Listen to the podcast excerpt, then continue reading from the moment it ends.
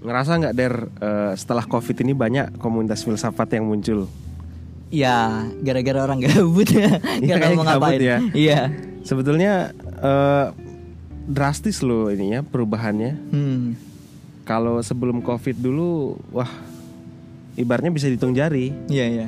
nah termasuk aku kan eh, sama teman-teman sebetulnya menginisiasi kolektif akademia Iya, iya. itu dari 2019 sebetulnya termasuk eh, ya awal-awal 2019 sih sama teman-teman pasca dulu Oh iya, berarti itu masih offline ya, Mas? ya masih offline sebelum covid kan ah, ah. 2019 bulan April itu Hmm. termasuk ya sama Mas Rangga juga Hmm. jadi kita ini mengembangkan gitu dan di awal memang eh, diskusinya itu masih random Iya, iya. jadi siapa yang mau dan temanya itu ya terserah dari narsumnya Iya.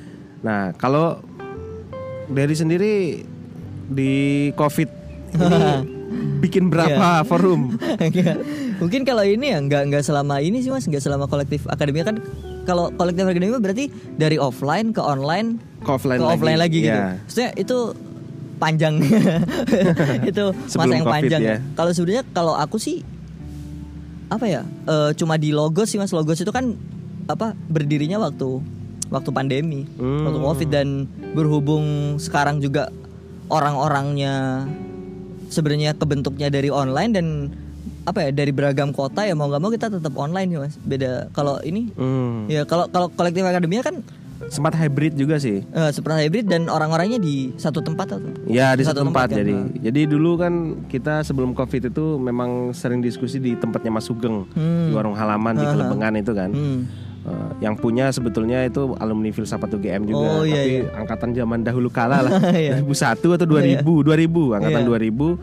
eh, kita diskusi di sana karena ya dia open lah. iya iya Sebelumnya itu kita keliling-keliling mas iya di kafe-kafe gitu ya. Heeh. Itu sebetulnya resiko forum yang offline oh seperti iya itu. sih Kalau nggak settle tuh memang susah. Heeh. Ya kalau di kafe kan tentu yang jadi pertimbangannya itu kan cost. Hmm. Nggak enak dong kalau nggak ini, kalau Iya. nggak mesen kan. iya iya Jadi memang idenya dulu itu untuk ini biar ada tempat teman-teman yang tertarik sama filsafat iya iya terus diskusi Iya, meskipun itu bukan anak filsafat gitu. Iya. Nah kalau logos ini inisiatornya itu siapa sebetulnya? Nah inisiatornya kan waktu itu eh, si Nathan, Nathanael Hmm. pribadi. Nah dia eh, tertarik sama filsafat kan sebenarnya udah kalau dia dari dari SMA gitu Hmm. dan ya bikin eh, bikin konten-konten filsafat. Awalnya sebenarnya emang banyak filsafatnya. Hmm. Cuma eh, lama-lama, nah kan kalau misalnya konteksku, aku tuh masuk ke Logos bulan Agustus, Agustus 2020. Hmm. Jadi Logos tuh udah udah jalan waktu itu waktu aku pertama kali masuk dan aku kan bukan orang filsafat ya, Hmm. bukan orang filsafat dan banyak konten-kontenku yang gak filsafat, tapi pada akhirnya diterima-terima aja dan kontenku kan banyak dulu tuh teori sastra ya, teori kebudayaan secara umum kayak Gramsci gitu. Cuma toh Gramsci juga susah diklasifikasiin dia tuh mau disebut eh, teoritikus budaya iya ngomongin hegemoni, tapi dia juga bikin pembacaan ulang terhadap Marx kan. Hmm. Pembacaan ulang terhadap Marx. Ya dengan demikian dia bergelut dengan filsafat dan toh nyatanya hari ini filsafat politik nggak bisa lepas, nggak bisa apa ya, nggak bisa mengabaikan Gramsci gitu Hmm. juga Gramsci itu ada ada pentingnya gitu buat filsafat politik. Jadi kayak ya ini orang filsuf jadinya aku diterima-terima aja sih. Waktu itu eh, Nathan ya inisiasinya emang filsafat awalnya, cuma lama-lama semakin semakin luas gara-gara ya eh, susah untuk ini milah-milah orang yang filsuf sama nggak filsuf gitu. Iya iya benar benar benar. Ya. Terus kalau Derry kan latar belakangnya dari linguistik. Ah. Sejak kapan engage sama filsafat ini? Nah, eh, untuk konteks ya, eh, bedanya sama ini ya. Kalau kolektif akademia ini kan mas, apa namanya banyak bahas eh, filsafat non Barat gampangnya, non Itu apa ya quote and quote. Barat belakangan, Belakangan ini. ini Dulu berarti? Kalau dulu itu random. Oh random. Iya.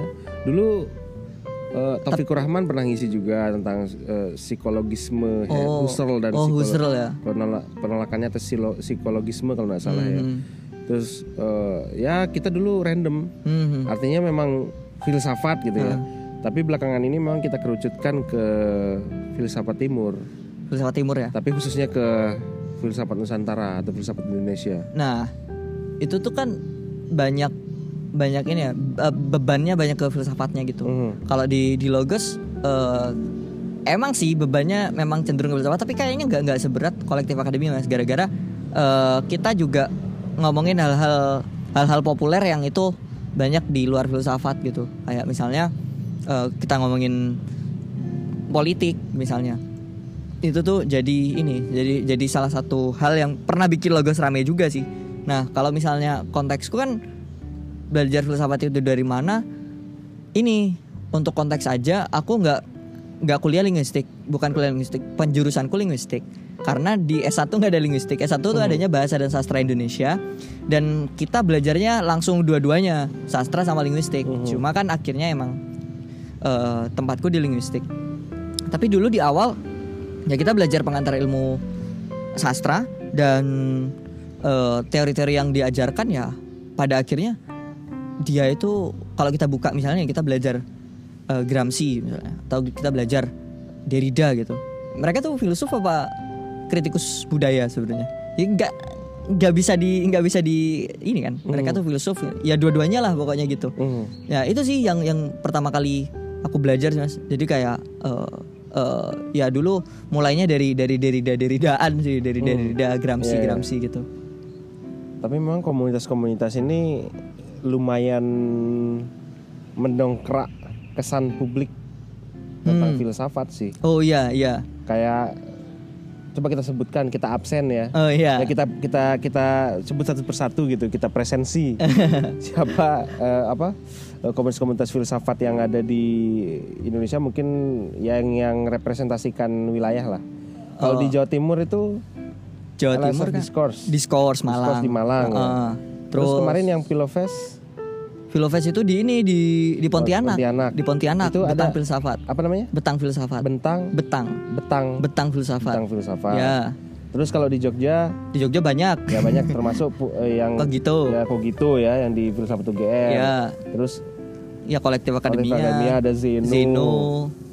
antinomi bisa kita sebut eh ya platform sih. platform ya, Heeh. ya masuk lah. Ya, Mungkin di masuk situ. masuk lah kita masuk. Dihitung. Terus ada lagi nggak kalau di Jogja yang setahu setahunya dari? Eh Jogja itu ya ini ngaji filsafat. Oh iya itu yang paling besar. Besar itu yang ya. paling besar. itu yang eh, suhunya itu. Iya. Paling besar ngaji filsafat Heeh. Pak Faridun Faiz Iya. UIN.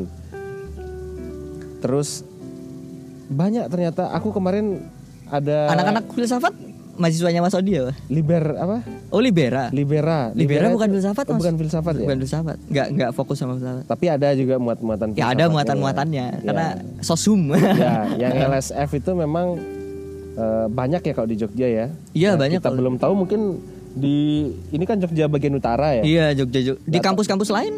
Di UIN mungkin Iya. pasti banyak kan. Iya, iya. Yang underbonya misalnya dia ada di bawah naungan eh, himpunan misalnya Ah, ah, ah, kayak bisa aja. HMI, PMI mungkin mungkin ada ya eh, ininya. Kalau di Jawa Barat Jawa Barat yang paling yang paling ini kan kelas isolasi. oh yang Covid ya gara-gara Ya, Covid ini ya. ya. Namanya kelas isolasi, Kelas ya. isolasi Covid yang- banget itu. Siapa ini Kang Syarif. Kang Syarif Kang ya. Syarif. Dosen Unpar ya? Ya dosen filsafat Unpar. Dosen filsafat Unpar, Lagi S3 di STF. STF. Makanya oke. Nyambung sama banyak komunitas di Jakarta juga. Yang paling Oh, banyak kan iya. Jakarta, Mas. Jakarta banyak ya? Yang paling banyak Jakarta. Jakarta itu dulu itu kan yang macam-macam caranya. Dulu yang rame itu sekolah, sekolah ID. Oh, sekolah aku belum pernah dengar. Ini Samuel Vincenzo, Amadia Swastika. Mereka mereka ini Mas, live IG sama filsuf-filsuf kayak ini eh, William Lane Craig. Oh, mereka lu iya William Lane Craig terus Living Philosophers ya. iya si- siapa lagi? Em eh Spenceikism siapa namanya? Philip Goff. Hmm. Philip Goff pernah diundang. Di IG. Di IG live Mau IG. orang- Eugene Nagasawa. Eugene Nagasawa. Eugene oh, Nagasawa aku live IG. merujuk itu di filsafat ketuhanan. iya, tuh, mereka Nagasawa. mereka live IG sama orang-orang ya itu. dia iya. live IG ya? Iya. Jadi wah itu rame. Pernah juga sama Eno Bening. Hmm, Eno Bening itu youtuber. Ya dia itu kan filsafat ya. Iya, filsafat filsafat UI 2014 apa? Ah, ya Eno ngo- kan ngomongin apa? Ngomongin Baudrillard itu. Iya, kan iya. skripsinya si Eno Bening ngomongin itu. Iya, ya dia- itu dia live IG. ya? Iya, oh bukan YouTuber, YouTuber ya, YouTuber. ah. Ya itu. Jadi emang itu apa ya terobosan sih terobosan di di live IG sama filsuf-filsuf yang terkenal gitu Yang ibaratnya pembacanya banyak ya. iya pembacanya banyak kan wah Eugene Nagasawa itu kan terkenal Iya, ya, terkenal Philip Goff gitu. itu Ya, Philip terkenal Goff, banget ya. Iya. Pansikism. Iya, kayak Di gitu-gitu. Twitter itu aktif orang itu. Iya, debatnya di Twitter ya. iya, iya. Kan seakan-akan ketika misalnya apa ya, ketika pandemi ini kan ini Mas, apa namanya? Eh kita itu berpikir bahwa filsuf itu apa ya, seperti dulu ya. Aku sendiri misalnya, filsuf itu kayak orang yang esoterik, yang dia itu Hmm. Ya, hidupnya dia- aneh gitu. Oh, aneh gitu kayak kayak seniman lah. Iya. Seniman tanda kutip ya. Iya. Pernah juga kita bahas di podcast di sini tampilan-tampilan seniman dan seni sih pernah ya, aku itu bahas. Jadi kayak orang-orang asketik gitu Iya, ya. kayak gitu. Yang ngajarin tentang kehidupan. Iya. Padahal kan kalau kita iya ya. dan kita ngerasanya nih filsuf nih apa ya nggak bisa kita reach gitu. Hmm. Ini unreachable nggak bisa nggak bisa kita ajak live IG susah lah mereka Iya, itu ini nggak nggak ikut sama apa ya keramaian keramaian dunia. Hmm. Enggak mereka live IG nyatanya. Iya, keren. mereka live IG debat di Twitter gitu. Iya. Sama aja kayak netizen pada umumnya gitu. Iya. Dan juga sebetulnya kadang aktivitas-aktivitas yang receh-receh remeh-temeh itu tetap mereka lakukan. Iya, mereka bikin meme gitu. Iya, mereka bikin meme. si Philip Goff itu waktu apa ya waktu bulan April dia kan pensaikis dia nggak percaya kalau ada science of consciousness terus dia bilang dia nge-tweet "Eh, sekarang saya percaya sama science, of consciousness gitu terus bilang April mob gitu Iya, gitu. oh iya, iya ngeprank gitu iya ya. ngeprank gitu April mob gitu mereka main-main juga iya main. kayak gitu nah eh, Mas Odi ngerasa maksudnya mungkin ini pertanyaanku ya orang dari luar filsafat ada nggak sih semacam apa ya dulu tuh kan orang ngerasa filsafat itu ini mas Hmm. eh, cari makna hidup gitu tapi Iya, kan iya. selama pandemi kan orang semakin aksesibel terhadap filsafat yang eh, ada di dunia akademik gitu nah Mhm. ada nggak sih ngerasa kayak ma- mahasiswa itu mahasiswa-mahasiswa yang baru masuk ternyata mereka tuh pengetahuan filsafatnya udah banyak gitu Men- menemui nggak mas kayak gitu menemui banget apalagi produk-produk covid ini Iya. kan, ngajar filsafat ketuhanan itu memang kita harus well prepare Iya. mungkin karena maraknya menjamurnya Iya eh, diskusi-diskusi gitu. Iya diskusi-diskusi filsafat Uh, online ini. uh, uh. Jadi mereka sudah ketika masuk filsafat ketuhanan, masuk filsafat jurusan filsafat, Uh, uh. itu mereka sudah ada gambaran, nggak Uh, uh. seperti angkatan angkatanku dulu. Hmm, berarti emang ada ini ya, ada pengaruhnya untuk dunia akademik secara Pengaruh, tidak langsung iya. lah. Nah. Kayak sudah mereka sudah bisa memilih mereka akan concern mau mengkaji apa, mau baca apa itu sudah jelas. Ya. Heeh. Jadi kayak misalnya ini ada beberapa mahasiswa yang memang dia tergila-gila dengan filsafat sains gitu ya. Hmm. Jadi semua dikaitkan dengan perdebatan realis anti realis. Oh, itu padahal baru semester berapa gitu. Iya baru semester satu belum sih semester ya semester tiga lah Hmm. kan filsafat ketuhanan di semester tiga kan. Hmm. Terus ada yang orang ngiranya anak ini luar biasa gitu ya. Hmm. Ternyata dia bisa dibilang secara potensial Hmm. itu masih kalah dengan ada anak yang dia wise ya. Hmm. Dia berasal dari ujung Indonesia lah. Hahaha. Tapi sebetulnya dia potensial untuk rapi dalam berpikir Oh iya iya. gitu. Heeh. Sementara ada anak yang memang semua bacaannya di Hmm. ditumpahkan Oh, ke iya. lawan bicaranya gitu kan. Dan itu suatu hal yang sangat sangat sangat bikin kaget juga sih. Oh iya. Kalau di filsafat fenomena secara gitu. institusi ya. Oh itu kayak efek sampingnya. Iya. fenomena. Jadi setelah Covid ini luar biasa. Heeh. Ada yang ngambil mata kuliah filsafat eh, Nusantara. Heeh. Mereka malah mempersoalkan Oh. status filsafat Nusantara itu secara metodologis. Oh itu gara-gara di, di Twitter Wak. Iya debat. Oh iya, Debat aku, di aku baru, baru tahu nih.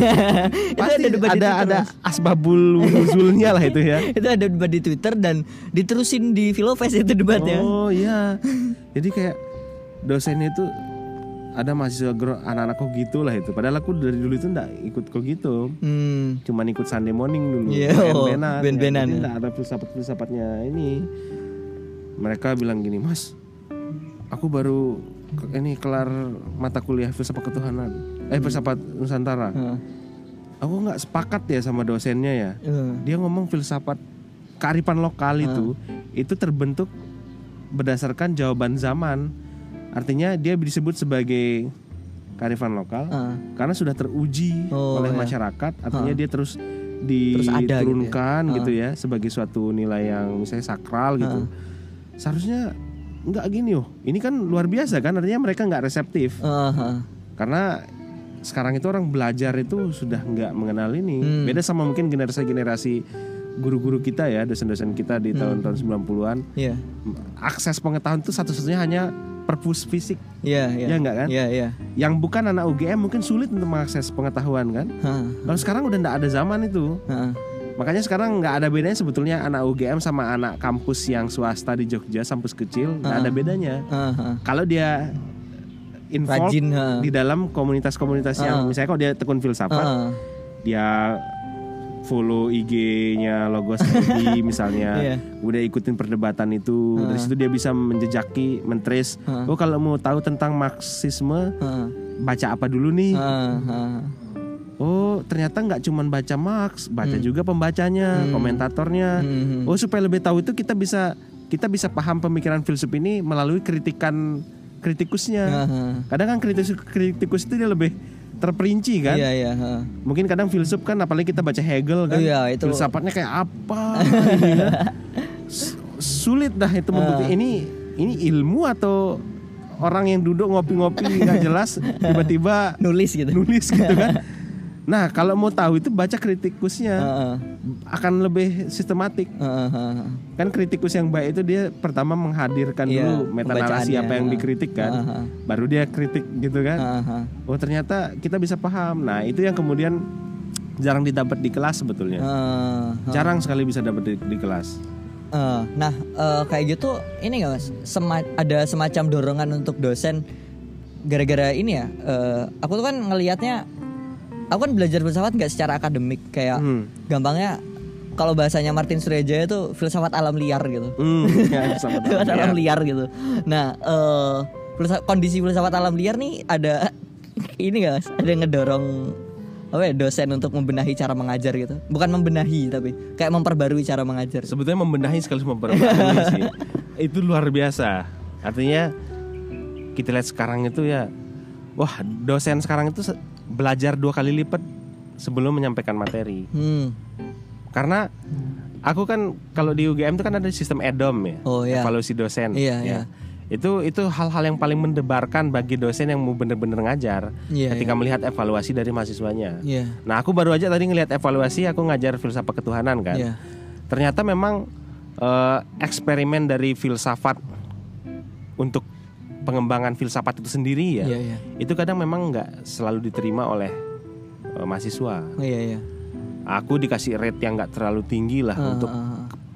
eh, indeks pemahaman Oh, mahasiswa. Iya, iya. Ya dari 10 ya mungkin 7,5 atau 8 lah. Iya, iya. Nah, tapi untuk eh, kategori ada kan rubriknya banyak ya. Iya, iya. Seberapa jauh dosen memahami mata kuliah Iya, gitu iya. ya. Nah, menurut mereka itu apa yang aku sampaikan itu mereka ini apa sih? Oh. Tapi engage sama anak-anak semacam Raisa, Oh. semacam itu itu Ah. mereka akan asik. Ah, Tapi anak-anak yang nggak terlalu merasa itu penting untuk dipelajari, Mhm. ya mereka nggak terlalu tertarik. Oh, iya, iya. Tapi kalau yang tertarik itu mereka bener-bener senang banget. Iya, iya. Sampai aku bawa perdebatan ontologi tentang objek oriented ontologi itu Ah, di ah. filsafat ketuhanan itu dibawa-bawa ke filsafat ilmu. Iya, nah, iya. Rangga sampai kayak kami itu tektok. Aku Iya. sama Mas Rangga, dia kan ngajar filsafat ilmu ya. Ah, ah. Ini kok di kelasku nih debat-debatin eh, triple O ini gitu ya, gara-gara kelasmu ini gitu. Nah, kita melihat itu tuh kayak asik, senang. Oh, iya. Jadi kayak ketemu sama mahasiswa itu kayak dan ketika ngoreksi UAS Ah. itu si Momo ya, Iya, iya. Ibaratnya dia IO lah sebutannya kalau di kampus ya. Ah. Dia dia bagus jawabnya. Oh. Dia jawab tentang realis seperti ini. Orang bertuhan itu perlu komitmen ontologis karena kalau dia sudah tidak menjadi anti realis maka ya dia ateis misalnya gitu ya. Ah, ah, ah. Tapi ini loh ternyata harus harusnya seperti itu Ah, ah. outcome based eh, learningnya kalau di Hmm, filsafat hmm, gitu. hmm. Dan memang untuk merapikan metode pengajaran itu sangat sangat sulit. Iya, sebetulnya. iya. Hmm, nah, apa ya? Aku tuh ngerasa kadang, kadang ya, kalau misalnya, eh, aku bukan mahasiswa filsafat, tapi eh, eh, belajar filsafat dan sok-sokan gitu, ngasih tahu orang filsafat tuh kayak gimana. Nah, eh takutnya adalah yang ditakutkan aku bahkan men- eh, ya aku sendiri mawas terhadap kondisi itu bahwa eh aku takut justru orang filsafat malah ngedengerin aku. Yang aku punya potensi untuk salah. Potensiku untuk salah itu kan untuk keliru dalam melakukan pembacaan itu lebih besar sebenarnya daripada teman-teman yang kuliah filsafat. Gara-gara ya aku nggak punya dosen nggak punya nggak punya komunitas ilmiah untuk eh, apa ya menguji sejauh mana sih pemahamanku gitu. Nah takut nggak sih mas kalau misalnya nih logo semakin gede? Hmm. takut ada semacam ini kayak post truth post truthnya filsafat gitu? Hmm. Takut gak sih mas Sebetulnya kalau aku nggak nggak terlalu takut sih, meskipun ada kemirisan kayak seharusnya ini tuh diinisiasi oleh orang-orang oh, fakultas filsafat gitu. oke. Tapi kan sejatinya sekarang udah luntur batasan-batasan itu kan. Hmm, Nah, misalnya aku tanya balik, seharusnya filsafat itu lebih kemar- mengarah ke yang general ah, ataukah yang lebih spesifik gitu? spesifik yang kayak gimana Maksudnya artinya eh, dia kemudian menjadi mengeneralisasi suatu wacana Hmm. ataukah dia kemudian mengkultivasikan suatu wacana spesifik bahwa ini filsafat nggak Oh. nggak untuk kajian orang-orang Oh, antropologi. Kalau menurutku Ah. yang sekarang kita temukan ada orang yang kajian filsafatnya lebih banyak tapi dia anak MIPA Oh. itu lebih bagus. Oh. Itu menurutku aku lebih mengapresiasi itu. Hmm. Ya mungkin gara-gara filsafat emang luas sih mas. Ya, ya Ah, juga sih. ah. Gara-gara filsafat luas dan gini kalau misalnya kan gini kalau misalnya aku kuliah linguistik, aku kuliah kuliah kuliah bahasa sehari-hari makananku itu sulit kan kalau aku ngomongin apa ya etika gitu. Susah itu kayak apa ya, ditanya orang gitu perdebatan Mas Dery kan ini apa komunikator filsafat gitu apa nulis nulis konten filsafat tuh saya nggak ngerti gini ya gimana ya di FIB pasti banyak yang mungkin ngajak diskusi ya. Iya, iya kayak nanya-nanya ini gimana, ini baik buruk itu gimana sih dia? Ya saya nggak tahu, saya nggak tahu, saya nggak ngerti itu apa sebenarnya. Maksudnya ya ada kajiannya, cuma kan nggak mahasiswa filsafat di orang-orang filsafat sendiri itu punya apa punya fokus kajian gitu. Apalagi saya, apalagi saya yang nggak masuk ke filsafat gitu, Hmm. yang sangat terbatas kepada bahasan soal bahasa.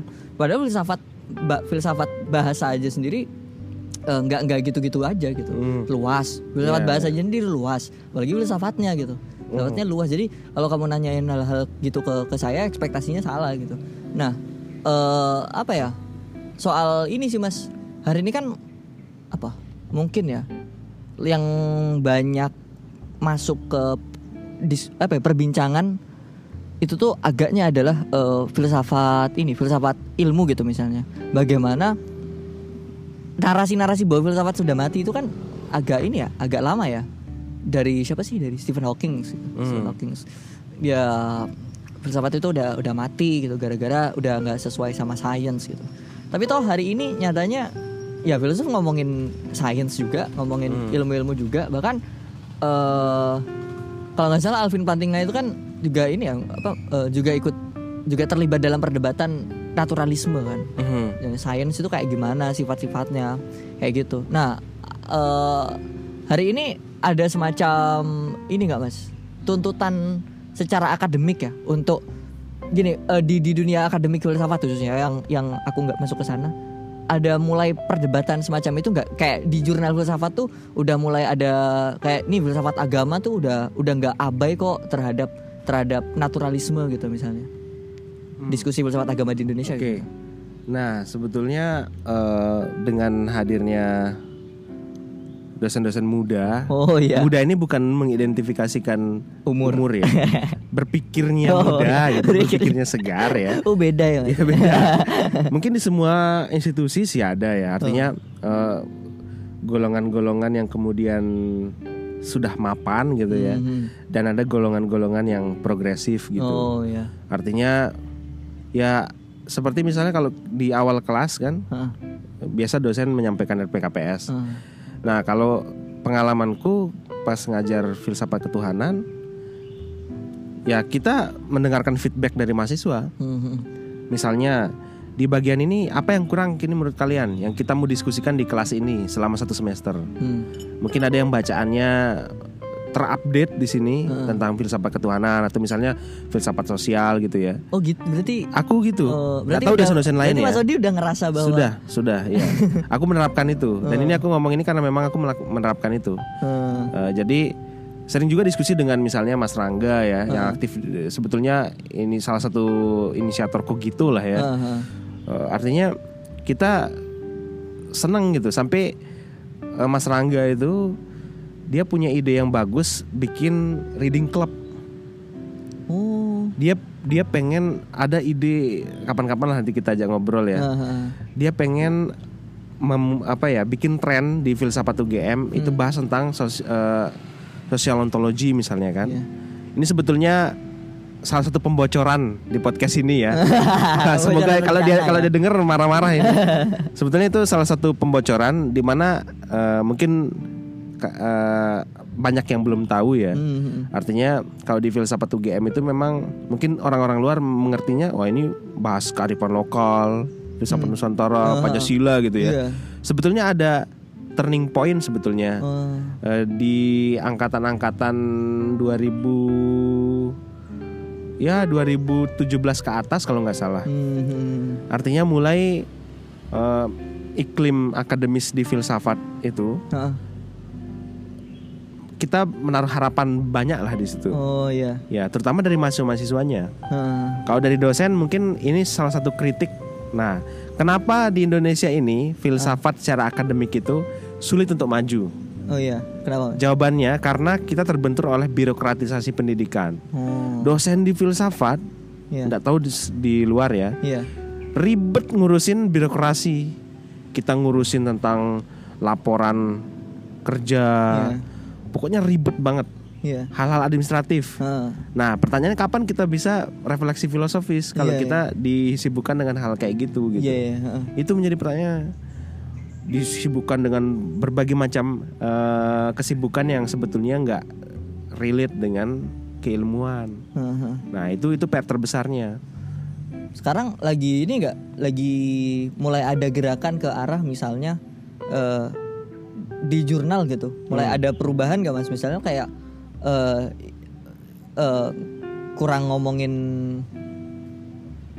filsafat yang hari ini kan agak yang agak esoterik gitu. Misalnya eh, filsafat akal budi yang dia itu eh, apa ya? bener-bener ngebawa kebar apa ya bener-bener ngebawa temuan-temuan baru di neuroscience gitu misalnya Hmm. itu mulai ada kayak gitu-gitu nggak mas? Atau di- kayak ini Hmm. deh kayak eh, argumen kayak ini bukan hanya misalnya mengekor kepada Alvin Plantinga tapi berusaha untuk eh, mengambil posisi terhadap Alvin Plantinga gitu. Hmm. Eh, kalau di secara institusional ya, Hmm. sebetulnya dibilang nggak ada sama sekali juga Susah. susah. Heeh. Ada sebetulnya ya, tapi untuk di take it seriously gitu, Heeh. itu belum terlalu sih. Ya. berarti lagi berkembang ya. Ya, artinya kalau kita melihat corak dari filsafat UGM itu seperti apa, Hmm. sebetulnya masih belum bisa dijawab. Hmm. Coraknya filsafat Nusantara, seberapa banyak Hmm. jurnal-jurnal kita tentang filsafat Nusantara Mhm. yang kontributif untuk pengembangan metode filsafat Nusantara itu. Heeh. Secara epistemik itu masih rapuh. Heeh. Apa yang disebut dengan filsafat Nusantara? Apakah ini lebih cocok disebut sebagai filsafat Indonesia kah Iya, gitu kan? heeh. Atau ini bukan filsafat sama sekali. Ini kajian budaya aja. Ya, antropologi. Antropologi, Hmm. pure antropologi gitu. Dan kebanyakan penelitian-penelitian filsafat Nusantara itu ya kebanyakan malah bukan penelitian filsafat. Oh. Tidak ada filsafatnya sama sekali. Problem filsafatnya tidak terakomodir dengan baik. Iya, iya, iya. Nah, untuk jurnal mungkin karena eh, sebetulnya aku nggak terlalu terlibat di situ ya. heeh. Tapi kita lihat dari beberapa event-event yang diadakan oleh Fakultas Filsafat itu sebetulnya sudah mengarah pada eh, merapikan, mensistematisasikan filsafat itu. Oh, kemarin ini ya apa? International- ya, in- ya. International Conference on Nusantara Filosofi ah. ICNP itu. Heeh. Itu judulnya kan social eh, ontologi ya, Ah, ah, social epistemology. Heeh. Eh, social epistemology dan itu sebetulnya kaitannya juga dengan filsafat Nusantara ya. Iya, iya. Tapi pengen dirapikan dulu basisnya, fondasinya itu perlu dirapikan dan itu Iya, nggak pernah dengan serius dikerjakan dari dulu. Heeh. Ya baru-baru mulai ini di- Iya, iya, iya. dirapikan gitu. Nah artinya ya seperti tadi Iya. memerlukan apa ya hubungan dengan Hal-hal komunitas-komunitas yang non akademik Heeh. Dan mahasiswa-mahasiswa ini banyak menyerap hal-hal yang baru itu dari luar sebetulnya Heeh. kayak mereka diskusi-diskusi gitu diskusi di Filofest tuh luar biasa kita saja misalnya dosen tuh banyak terilhami oleh topik-topik yang ada di situ gitu. dan untuk mengajar itu kan nggak bisa kita hanya berhenti pada problem yang sudah lewat gitu kan Heeh. sementara problem terbaru filsafat sekarang kan selalu berkembang Iya, iya. gitu kan Hmm. Iya sih, semakin semakin lama sebenarnya sih eh apa ya? Aku sebagai orang dari luar filsafat tuh ya ngerasa ngerasa waktu dulu awal-awal sih masih ngerasa bahwa filosofi itu ini sih kayak orang random.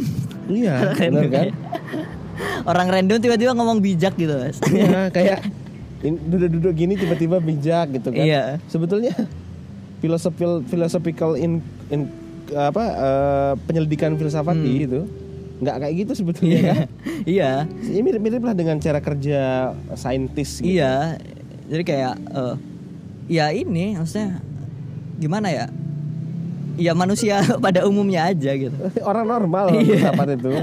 Artinya kalau kita lihat kenapa banyak komunitas-komunitas yang muncul sebetulnya itu sudah dibicarakan orang tapi orang baru tahu itu filsafat. Oh iya ya. Kalau menurutku ya, kayak misalnya yang di diskusi-diskusikan di komunitas-komunitas itu, Heeh, sebetulnya itu kegelisahan atau problem-problem yang sudah lama ada di filsafat ya. di, di masyarakat gitu. Oh iya iya. Orang yang belajar antropologi, orang belajar sosiologi, pasti dia Hmm.